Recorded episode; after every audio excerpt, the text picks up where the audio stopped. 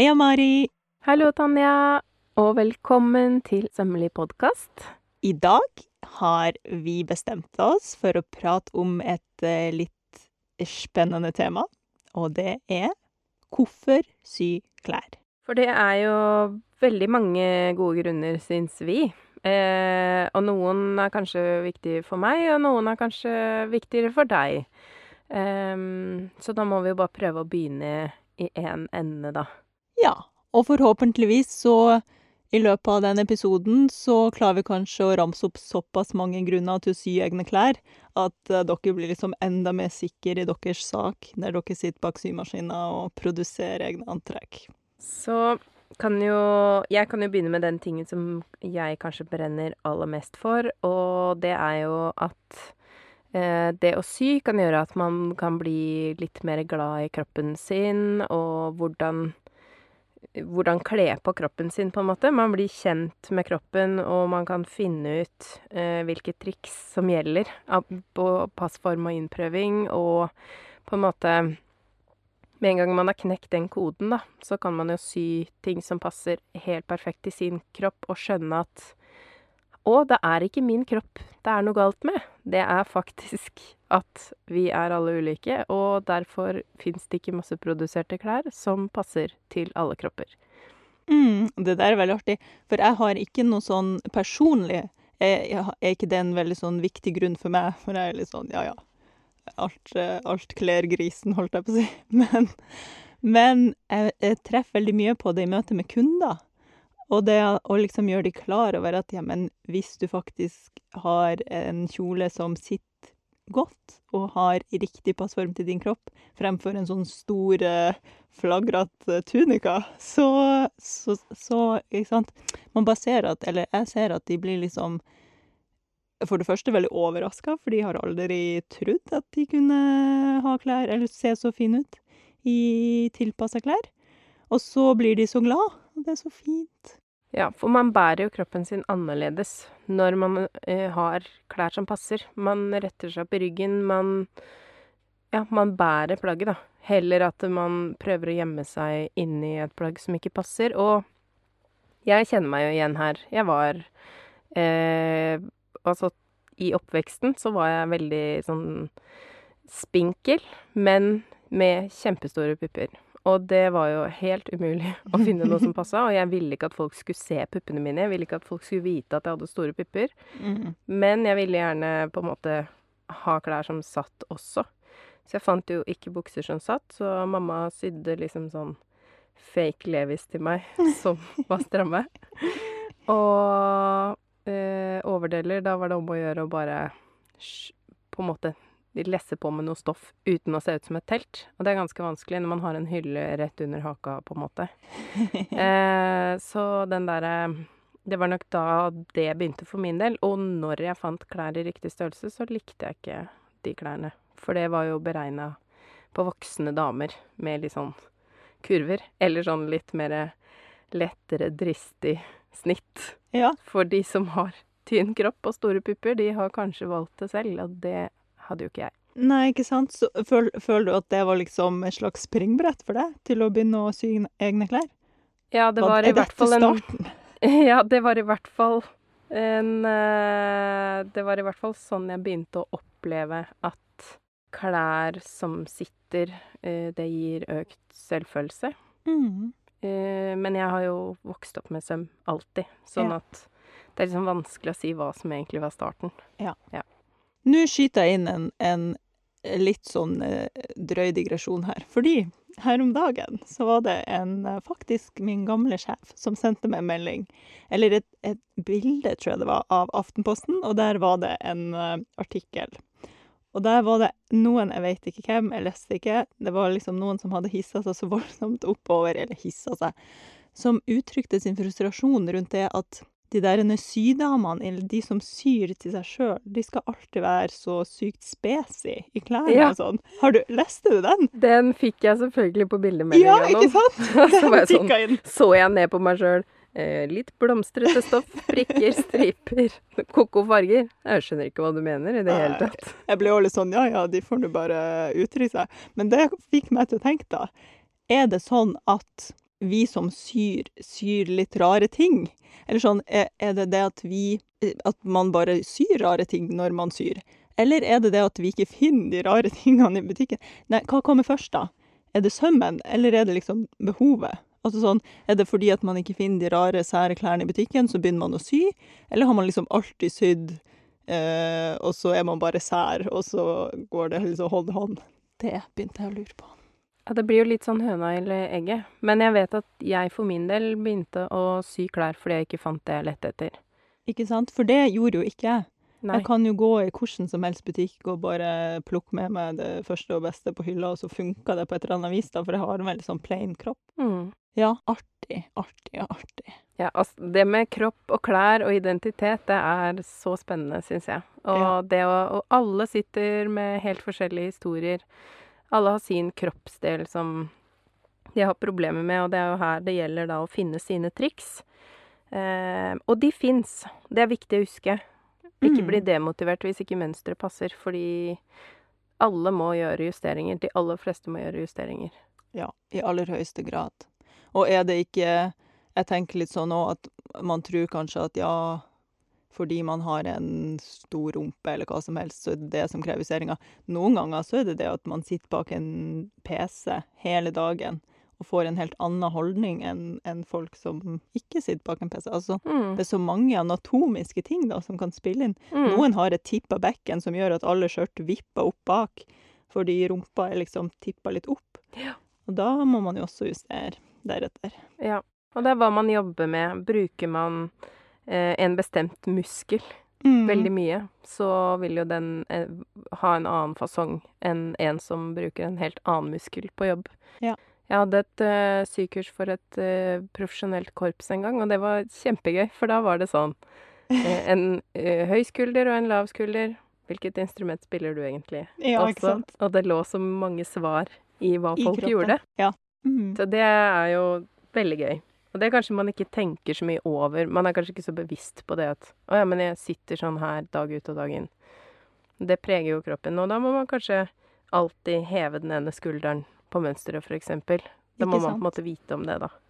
Ja, ting setter seg i kroppen. Men det her med, med å liksom tilpasse mønster og hekk, det gjør litt sånn for å få det til å passe, det skal vi jo prate om mye mer i en annen episode. Ja, Dette syns jo vi er veldig gøy. Da kan jo jeg dra frem eh, den grunnen som liksom ligger mitt hjerte nærmest. Og det er at jeg syns søm er en sånn fin syssel til å øve seg litt på livet. Og hva mener jeg med det? Jo, eh, eh, det ligger veldig mye ja, øvelse i det å sy. For eksempel det her med tålmodighet, og ting tar den tida de tar. Og at man noen ganger bare må stå i det, selv om det ikke funker og sånn. Eh, og spesielt i starten. Jeg tror veldig mange nybegynnere blir veldig utålmodige fort. Fordi selvfølgelig man vil ha en fin kjole, eller man vil bli fort ferdig. Eh, og da er det en øvelse å bare dra opp håndbrekket litt i, underveis der, tror jeg. Mm. Jeg merka det veldig på mine kurs også, at folk blir, får nesten litt for mye overtenning, tror jeg alle skulle si. Kan aldri bli for mye overtenning i min, i, i min verden. Men, men ja, det der med å liksom øve seg på at Gjør det ordentlig første gang. Det, jeg tror at det er veldig mange av grunnene til at liksom klær man har sydd, blir hengende så man ikke bruker de. Fordi et sted på veien i prosessen der, så tenkte man ouch. Det her ble ikke så bra. Ja, ja. Og så fortsetter man, og så angrer man på den tingen. For hadde man bare tatt den sprettekniven der, satt seg ned, tatt seg en god kopp kaffe, pusta litt rolig inn og ut, og spretta det opp og gjort det på nytt, så hadde man blitt mye mer fornøyd med det resultatet. Samme med, og det gjelder jo også sånne rettelser, ikke sant. Ah, nå har jeg brukt så mye tid på å rette inn det her, og det er fortsatt ikke sånn som jeg vil. Nå gidder jeg ikke mer, nå bare fortsetter jeg. Nei! Ta frem sprettekniven, sett deg ned, øv på livet. Jeg har nikka og nikka og nikka mens eh, Tanja har sagt dette her. Eh, det er kjempebra. Ja, og så er kanskje Nå var jeg veldig streng, følte jeg. Men det som også er like viktig her, er jo at man gir seg sjøl rom for at ting tar tid, og for at ting kanskje Ja, kanskje blir det ikke perfekt etter den sjette gangen du har spretta opp det opp, da. Men da er det også en øvelse, liksom, å gi seg sjøl det rommet, at det er greit. Og at man kan gå med den genseren, Selv om den ikke ble perfekt første gangen, så kommer det seg med tid og øving, da. Ting tar tid. Ja, helt klart. Og apropos det, så er det jo eh, Selv om ikke vi vil eh, oppfordre til at man syr vel, altså sånn mange, mange av den samme tingen, men den andre gangen man gjør en ting, bli, da blir det veldig mye bedre enn første gangen. Eh, Mm. så det er alltid egentlig lurt å sy en ting to ganger. Ja. Ehm, så da kan man jo like gjerne la den første være en øvelse i, av et gammelt sengetøy eller noe, og prøve inn. Jeg pleier å si, hvis jeg har noen som er på kurs som syr i et veldig sånn utfordrende stoff, da, for eksempel, så kan jeg si ja, det, det du gjør lurt i nå, er enten å sy samme plagget en gang til, kanskje et annet stoff, spiller ingen rolle, eller å sy noe annet, men i dette stoffet. For nå har du masse erfaring med dette stoffet, liksom, og også masse erfaring med dette plagget. Så da liksom, hvis du bruker den erfaringa og, tar den i bruk med en gang, så får man liksom hugga det litt lenger ned i stein. Det er et godt poeng. Og en annen ting, da, som jeg vil si til de Fordi jeg har hatt så mange på kurs som har fått beskjed om at de er utålmodige, og derfor så blir det sånn selvoppfyllende profeti, på en måte. At du bare Nei, men jeg er utålmodig, så dette her Jeg syr bare slurvete. Men eh, hvis du ser at eh, ja, jeg trenger faktisk for noe av det første man blir god på Det er ikke nødvendigvis å sy, det er å sprette. Eh, og føler du ikke at du finner liksom indre ro av å tilbringe den tiden med plagget, sett på en TV-serie og ta et glass vin mens du spretter, da. Det er helt innafor. Man må gjøre det Altså, det er det jeg har lært, i hvert fall gjennom denne jobben. Når jeg skal gjøre noe jeg ikke liker, da har jeg lov til å se på en uh, dårlig serie mens jeg gjør den jobben. Eller vin er alltid lov eh, f- i min verden. Ikke hvis jeg skal treffe kunder og sånn, altså, men Men det er i hvert fall Altså, nå, nå tenker jo vi fra et hobbyperspektiv at dette er hobbyen din, og da må du tilbringe tid med den eh, for at ting skal bli skikkelig bra. Mm. Og jeg er helt enig med deg, Mari. Prøv å gjøre det så lysbetont som, som mulig, da. For det, du gjør jo det her for å kose deg, tenker jeg. Og, hvis det er sånn at du må legge fra deg det makkverket og gå deg en runde rundt kvartalet med hunden, liksom, før du går videre, så tenker jeg det er bedre enn at man liksom pusher så hardt at til slutt så eh, går, eh, går hele greia i en Fretex-pose, liksom. Ja, man kan jo få litt dårlige assosiasjoner til det plagget hvis man, hvis man pusher for mye. Men eh, det er jo veldig kjipt hvis det havner i den eh, skammens skuff, ufo-boksen. Å, gud. Skammens skuff. Vi skal prate masse om skammens skuff. Jeg gleder meg sånn til å prate om skammens skuff. Ja. Yes. Videre. Har du en, en eh, til god grunn til å sy egne klær? Man kan velge alt selv. Alt kan ha lommer. Alt kan ha eh, akkurat den halsen som du elsker, som du syns du kler. Syns du ikke at du kler eh, snuppete krage, bytt den ut med den kragen du liker. Hva som helst som du foretrekker, kan du putte på i stedet for det som opprinnelig er der. Det, det ermet Hvis du har ett favoritterme, så har du det på alle tingene dine. Man trenger ikke å følge ting slavisk, og det med lommene syns jo jeg er ganske vesentlig, da. Ja, enig. Alt burde og skal og egentlig må ha lomma. Ja, for jeg har vært veldig opptatt av lommer, men i det siste så har jeg begynt å irritere meg litt over det draget man kan få når man har noe i lomma. Eh, på stikklommer, da, altså de lommene som er eh, i sidesømmen. Mm. Hvis man har For jeg har hele livet mitt med meg i, i lommene, og da får man en sånn noen At det drar seg noen sånne rynker nedover. Og så nederst av alle rynkene så blir det jo en kjempehaug. Sånn at der har jeg noe å jobbe med, da. Eh, men I forhold til å finne den perfekte lommealternativ, eller ikke ha med deg livet overalt i lomma. Ja, jeg ser at det er mest realistisk å satse på en bedre lomme. Ja. ja, sant. Den perfekte lomma. Den er liksom festa på tvers over brystet og i skulderen, sånn at det er egentlig er en sånn innebygd væske. Ja, det er egentlig den eh, fannypacken min. ja. Det er den perfekte, og den rommer en vinflaske. Så det, der eh, får jeg virkelig med meg livet. Det er godt. Ja, nå tror folk at jeg drikker vin hele tiden. Det er helt greit. Jeg gjør Ja. ikke det. Nei da. Dette her med å bestemme alt. Viktig det du sier. Alt av detaljer, alt av passform og hvordan man vil ha det. Men også kvalitet på det på eh, stoffet. Du må ikke gå rundt og være litt sånn småsvett og stinke i polyester lenger hvis du kan sy den kjempefine kjolen du så i et butikkvindu sjøl. Det er veldig viktig. Og da er jo et godt tips at man kan kikke på det man har i klesskapet sitt, og se hva er det jeg liker her. Er det eh, stoffet? Er det fargen? Er det fasongen? Eh, hva vil jeg ha med meg videre? Ja, og gå litt i seg sjøl og, ja, faktisk ta inn over seg hva er det du liker, ikke hva er det som er på moten nå, for det går så fort over. Jeg tar jo meg sjøl i det sjøl òg. Plutselig så sitter jeg der med sånn plagg som jeg likte én uke, fordi ja, da fikk jeg over meg at det var kult, og så må jeg sy det om, fordi det var kanskje ikke det en høydare. Så klassisk det, Men dette her øver jeg meg masse på, altså. Å liksom sy klassiske, sånn tidsløse ting som man faktisk kan bruke mye og lenge. Det er en øvesak her, altså. Og det er også det når du Hvis du skal ha det målet som vi nok har, da, at man kan bygge en hjemmelaget garderobe, så må man jo ta bevisste valg eh, som man kan stå inne for lenge. Hvis man skal tilbringe såpass mange timer med det å lage det plagget, og så bruke det plagget, da er det fint at man er helt sikker. Mm.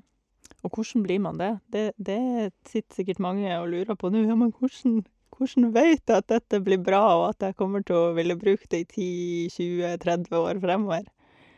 Har vi noe svar på det, egentlig? Tenk på dine favoritter gjennom årene. De plaggene du har hatt lenge. Hva gjør at de er så fantastiske? Mm. Godt, godt utgangspunkt. Ja.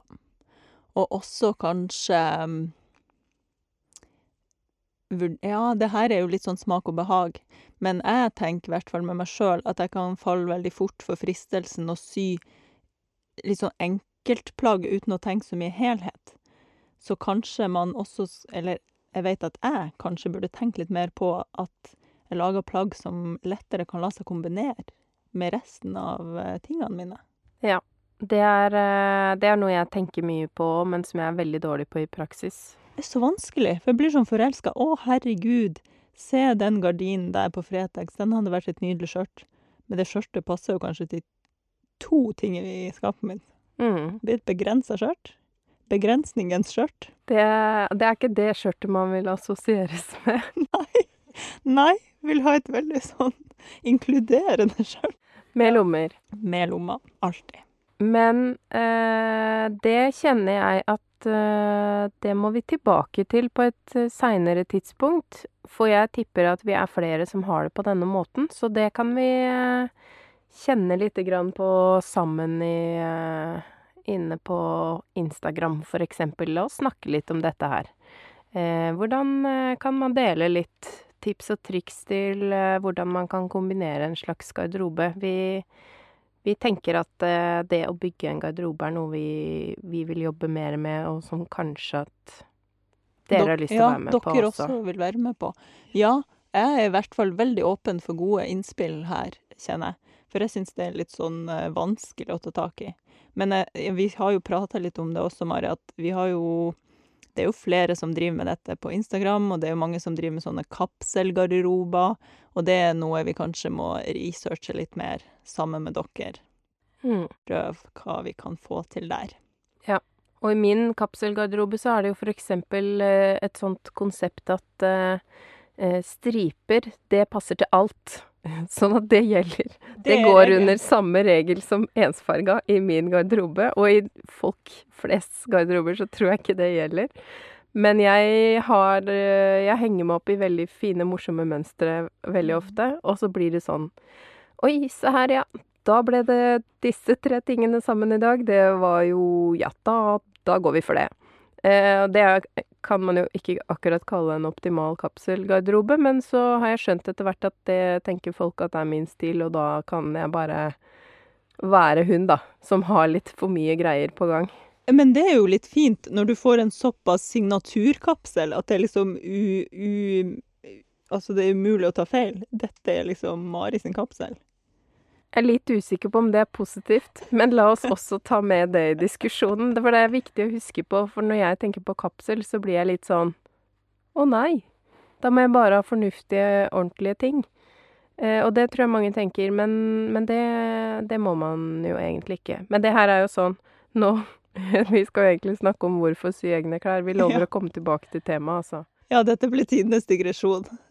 Men det, det Ja, nå koker det i hjernen min her, for nå tenker jeg sånn Herregud, hva er min kapsel? Det kan vi komme tilbake til.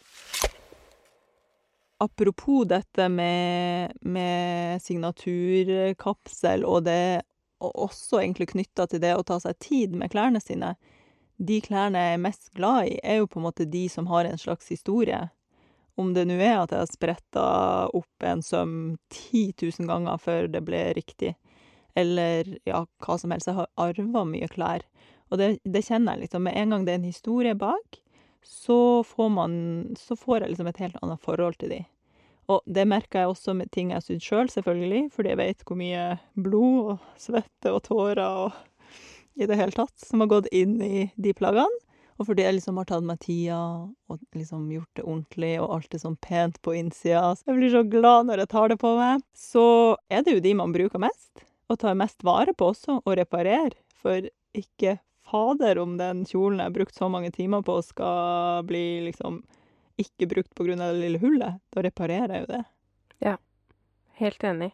Og, det, og da har du allerede bygd den relasjonen til det plagget. Du, du har på en måte blitt kjent med det plagget, og ja, det blir en, en verdi som ligger i de timene og den eh, man kjenner hvordan stoffet oppfører seg, og hvordan det er varmt når man holder det på den Altså mm. det, det, er eh, Det høres kanskje merkelig ut for de som ikke blir sånn knytta til ting på den måten, men eh, Men det hadde du lest noe forskning på? At det ja. faktisk ja, er påvist? Ja, dette er utrolig dårlig Altså veldig dårlig eh, researcharbeid av meg, men så jeg kan ikke vise til den forskninga. Kanskje jeg klarer å finne det, sånn at vi kan legge det i en eventuell post.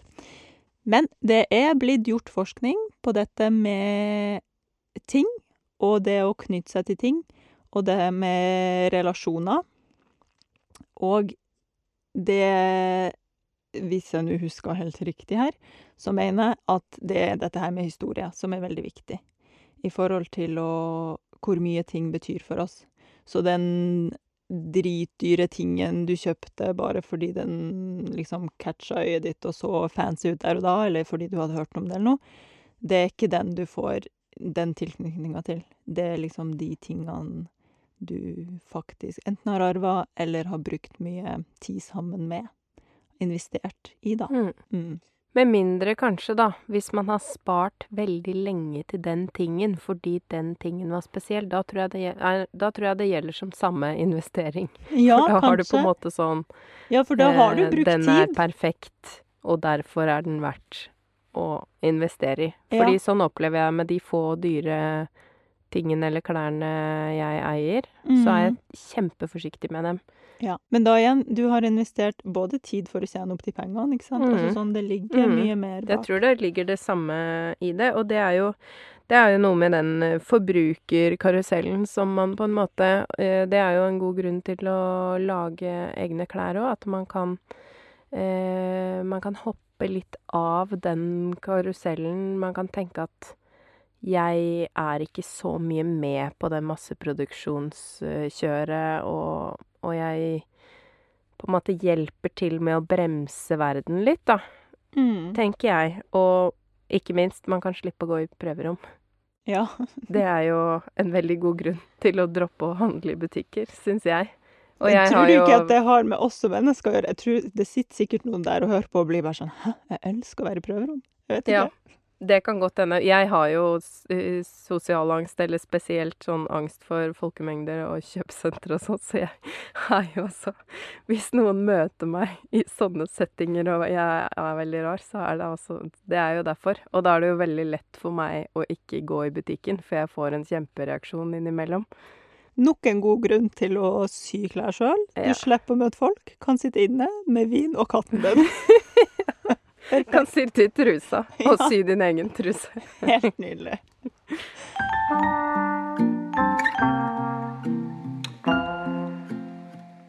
Når vi nå er inne på det her med å liksom ikke være på den her forbrukerkarusellen, og at alt ikke skal være sånn konsumer, konsumer, konsumer, jeg syns man også må være litt kritisk med seg sjøl.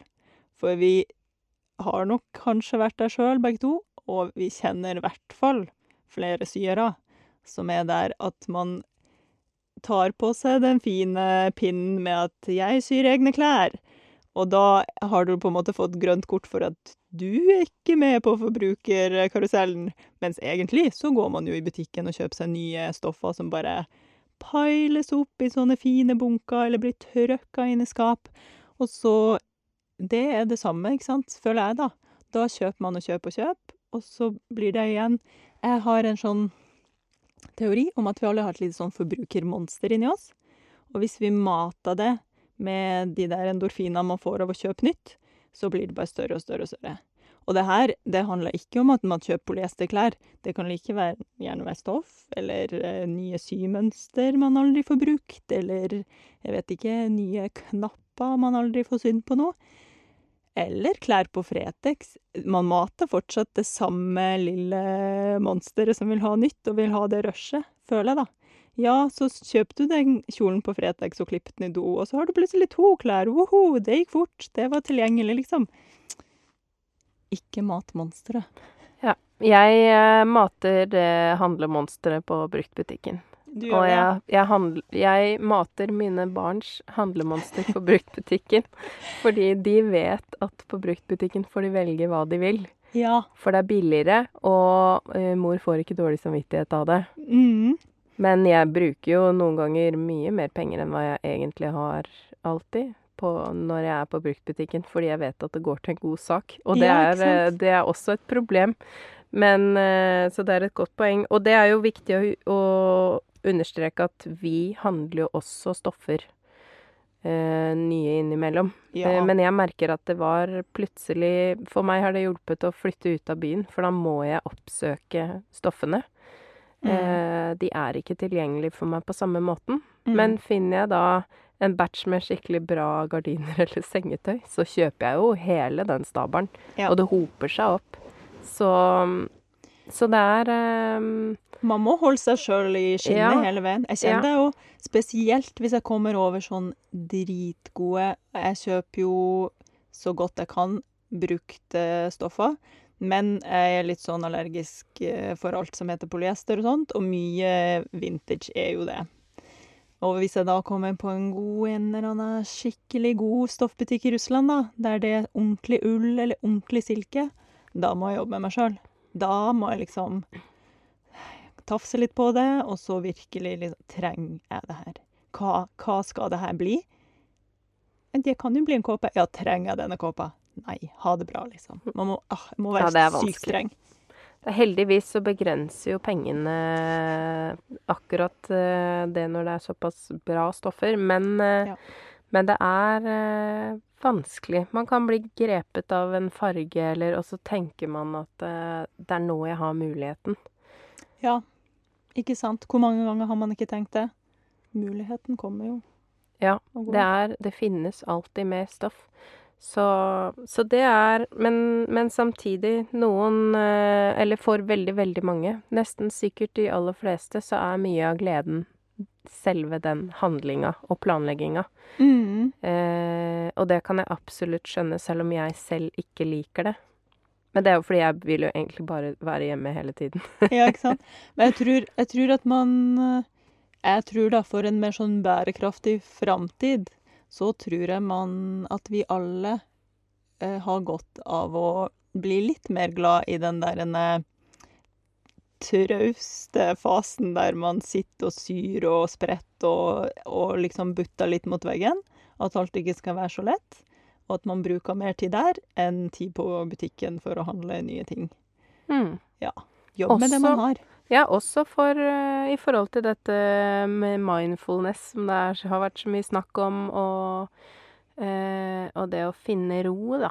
Fordi at Mhm. man blir Og jeg merker det selv, at eh, når jeg er i butikksammenheng, så plutselig så kommer jeg på alt mulig rart jeg skulle hatt. Ja. Så Ja, men så det- mye inntrykk, og man blir så lett distrahert. Mm. Gå heller hjem og se Det er garantert noe der hjemme man kan bruke, Ja. i stedet for det man så på butikken. Og ja, sannsynligvis. Og man blir eh, også ganske kreativ av å tenke problemløsning. Mm. Ja. Amen. Skal vi prøve å em, samle trådene litt her og lage en slags oppsummering? Ja. Det er lurt, og nå ble det jo eh, Jeg tror det bare er å akseptere med en gang at det kan nok fort bli litt eh, Digresjoner med meg og det jeg tenkte på? Ja. Ja. Vet du hva? Det er en del av denne pakka som heter Sømmelig podkast med Mari og Tanja. Det er jo det. For vi, eh, vi, driver, vi er fortsatt i bli kjent-fasen, og nå begynner vi å liksom komme oss litt eh, inn i, eh, i det her.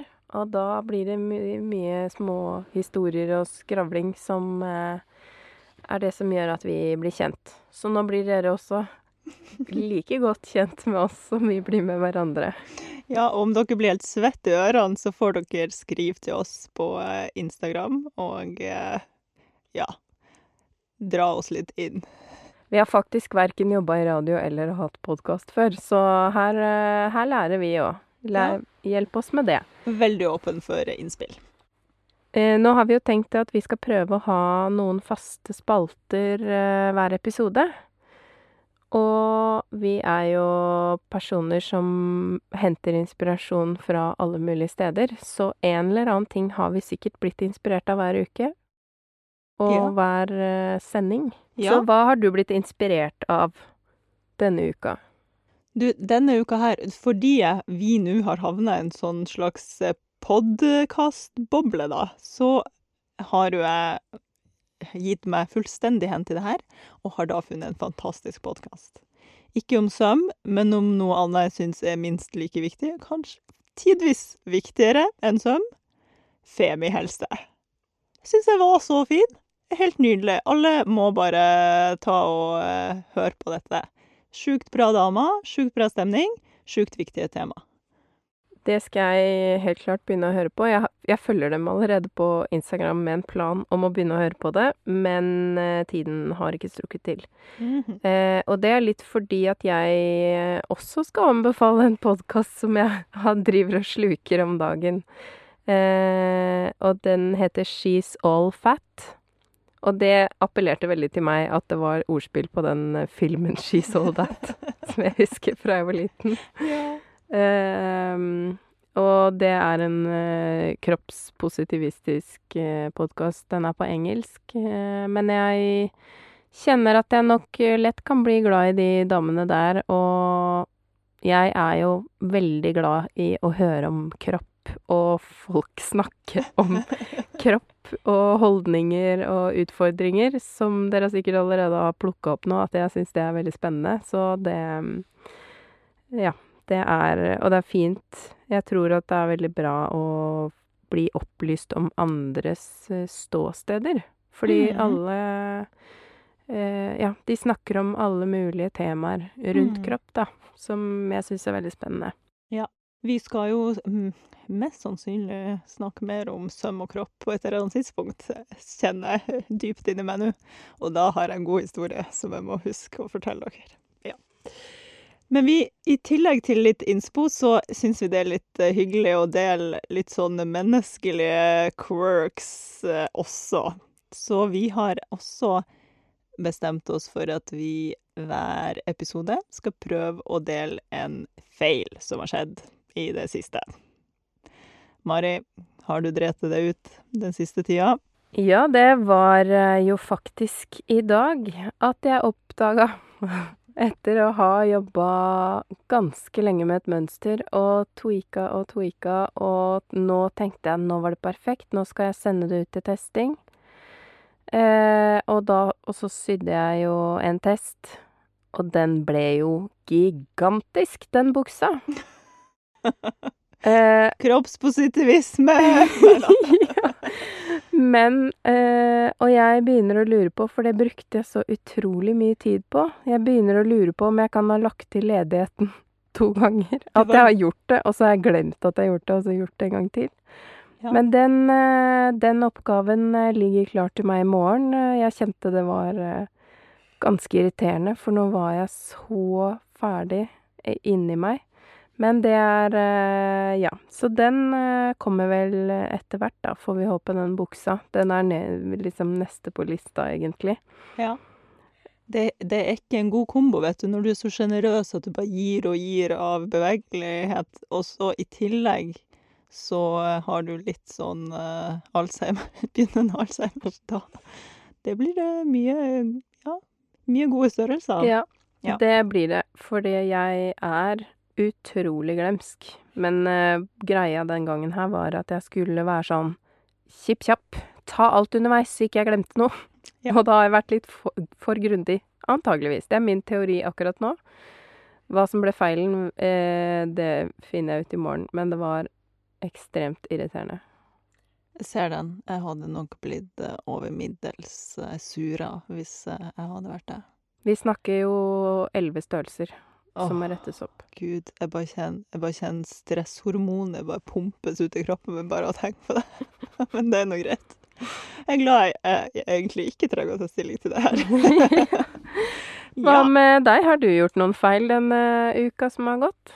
Ja, ja, det her er kanskje en sånn Det her er egentlig en klassiker, tror jeg. Og spesielt for alle strikkedamene der ute. Nå frir jeg til alle strikkedamene der ute.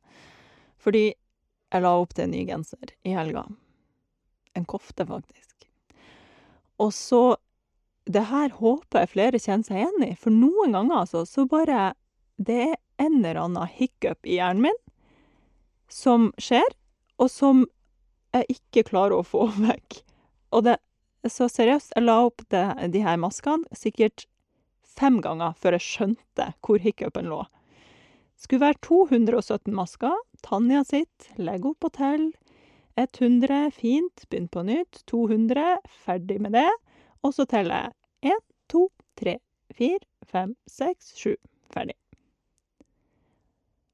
Og det, seriøst, akkurat det her gjorde jeg i hvert fall fem ganger. Og hver gang så kommer jeg liksom 220 mangler ti masker hver gang. Og jeg, og jeg er ikke sånn som liksom teller over maskene før jeg begynner å strikke. Nei da, jeg legger opp, og så syr jeg liksom første omgang, og teller mens jeg strikker den første omgangen.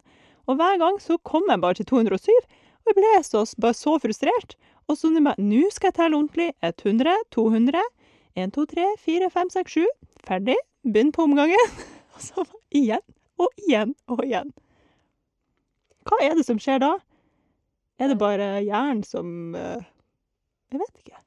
Jeg tror alle gjør en sånn type feil i den gata, at de gjør den samme feilen om og om igjen. Fordi det kan jeg kjenne meg igjen i. Ja. Nå er jeg såpass uh, ukonsentrert når jeg teller, så jeg teller alltid fire-fem ganger Før du begynner å før jeg gjør ja. noen ting. Fordi jeg vet at jeg ofte sier det samme tallet to ganger, eller hopper over et tall. Jeg er så utrolig distré. Jeg ble altså bare sånn Herregud, tell. Og, og ikke sant, så fokusert. Telte, telte. 200. Sju til. Ferdig. Klar for å stryke. Det skal ikke bare være sju til! Er det mulig? Det skal være 17. Fikk du det til? Jeg fikk det til til slutt. Ja. Nå har jeg strikka fem centimeter av den ribbekanten. Kjenner meg på toppen av verden akkurat nå. Det skal ikke mer til, folkens. Nei, 217 masker er det òg. Perfekt. Ja, så vit at vi eh, gjør eh, en god del feil. Det kommer eh, sannsynligvis flere nye feil hver gang. Det er bare å glede seg. Skal vi si takk for i dag, da, kanskje? Takk for i dag da, Mari. Takk for i dag. Vi høres og sys neste gang. Det gjør vi.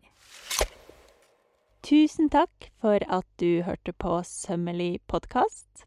Du finner oss på Instagram. Der heter vi sommeli understrek podkast med. Og ellers kan du kontakte oss på e-post, og da sender du den til k at gmail.com. Tusen takk til Andreas Prestmo i Wilthagen Studios, som klipper og limer og sørger for at vi har god lyd. Og tusen takk til Synnøve Obrid, som lager den fine musikken vi hører.